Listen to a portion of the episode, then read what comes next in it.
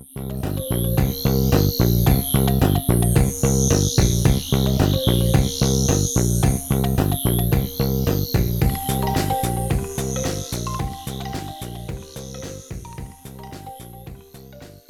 hei.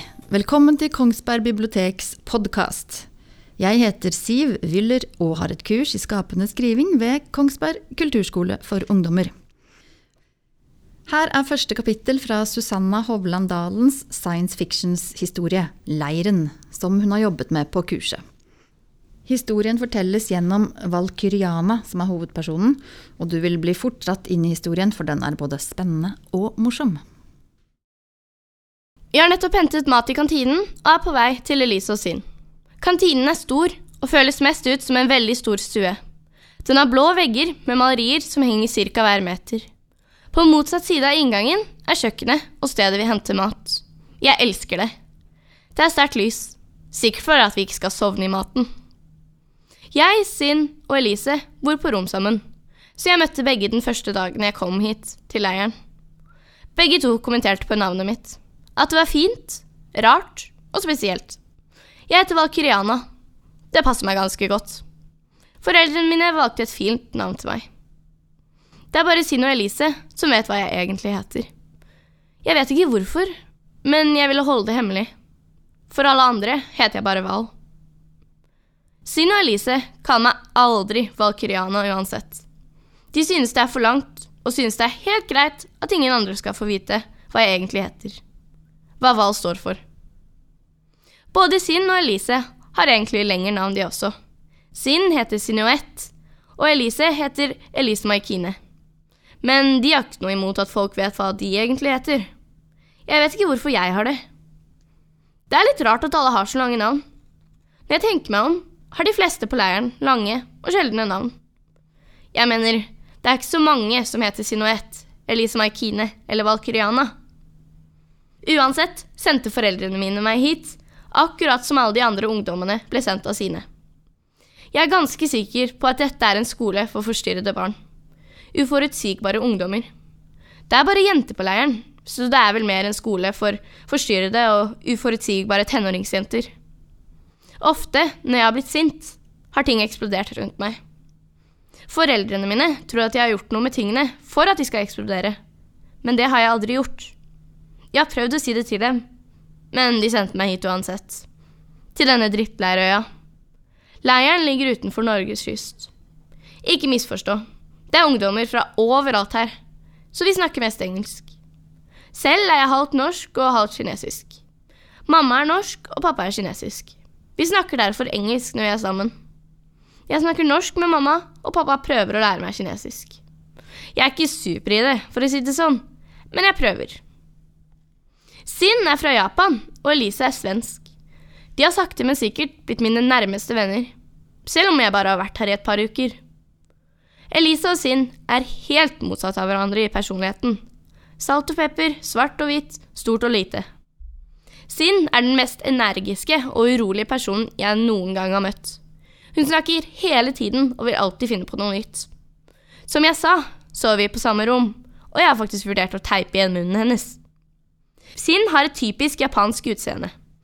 Hun har veldig mørkebrunt hår og sjokoladefargede, smale øyne. Hun er lav og litt klumsete. Enda lavere enn meg. Tenk det! Elise har absolutt ingenting felles med Sinn. Samtidig som Sinn aldri slutter å snakke, snakker Elise bare når det er helt nødvendig.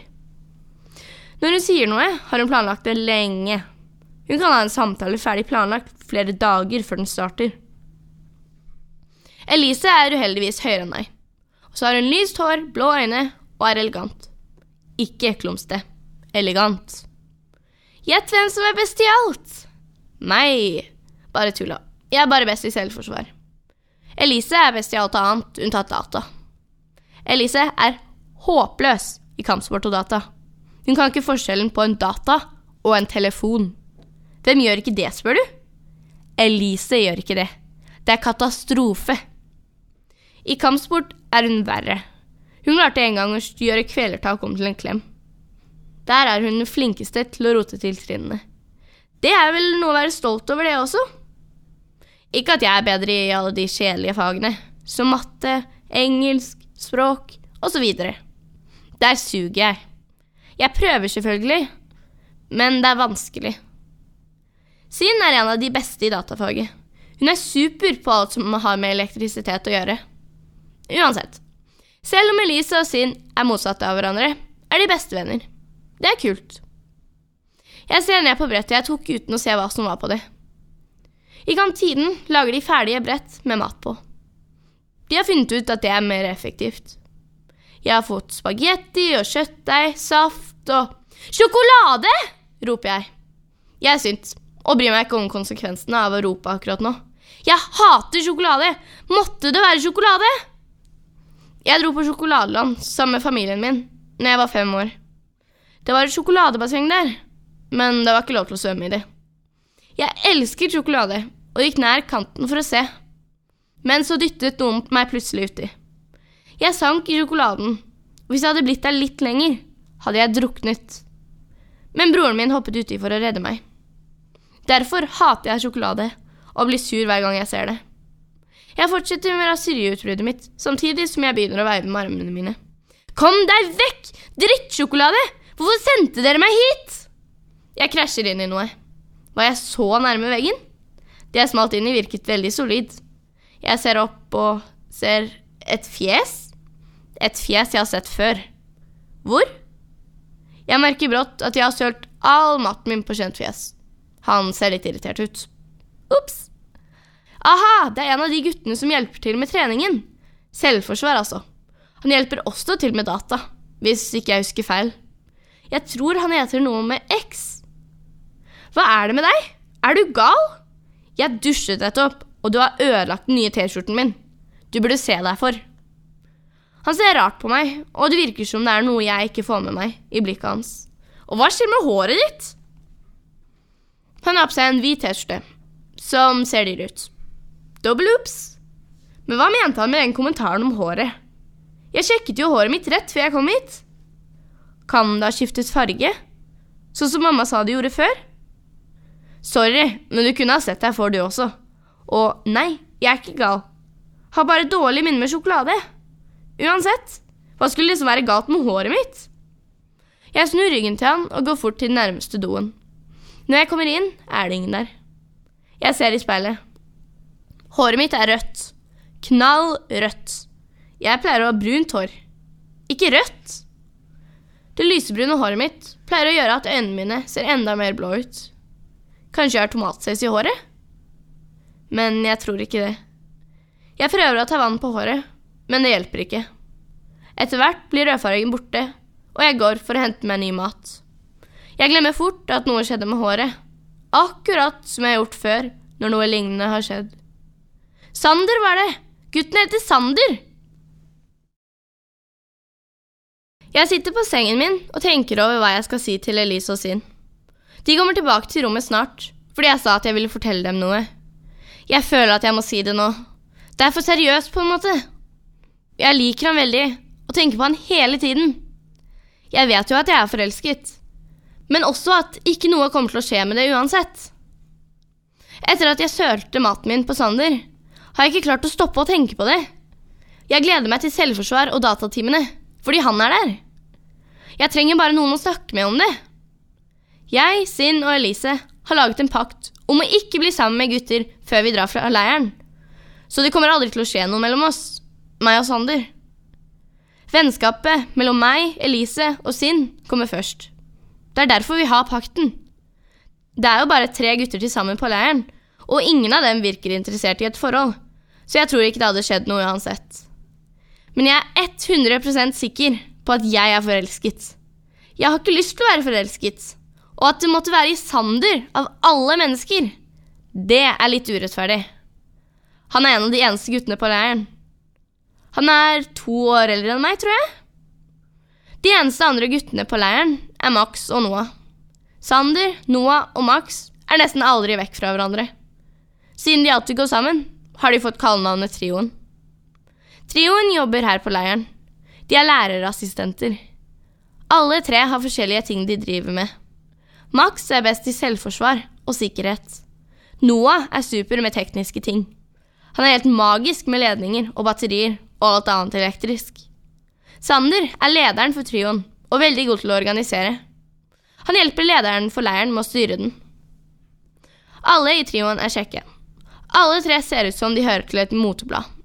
Aha, det har de sagt i veldig mange av bøkene jeg har lest. Men her stemmer det faktisk. Det mener jeg. Uansett, dette er sånn de ser ut. Max er bredskuldret, veldig høy, har lysbrunt hår og kalde, brune øyne. Jeg har aldri snakket med han. Han har alltid virket truende og veldig avvisende mot alle unntatt Sander og Noah.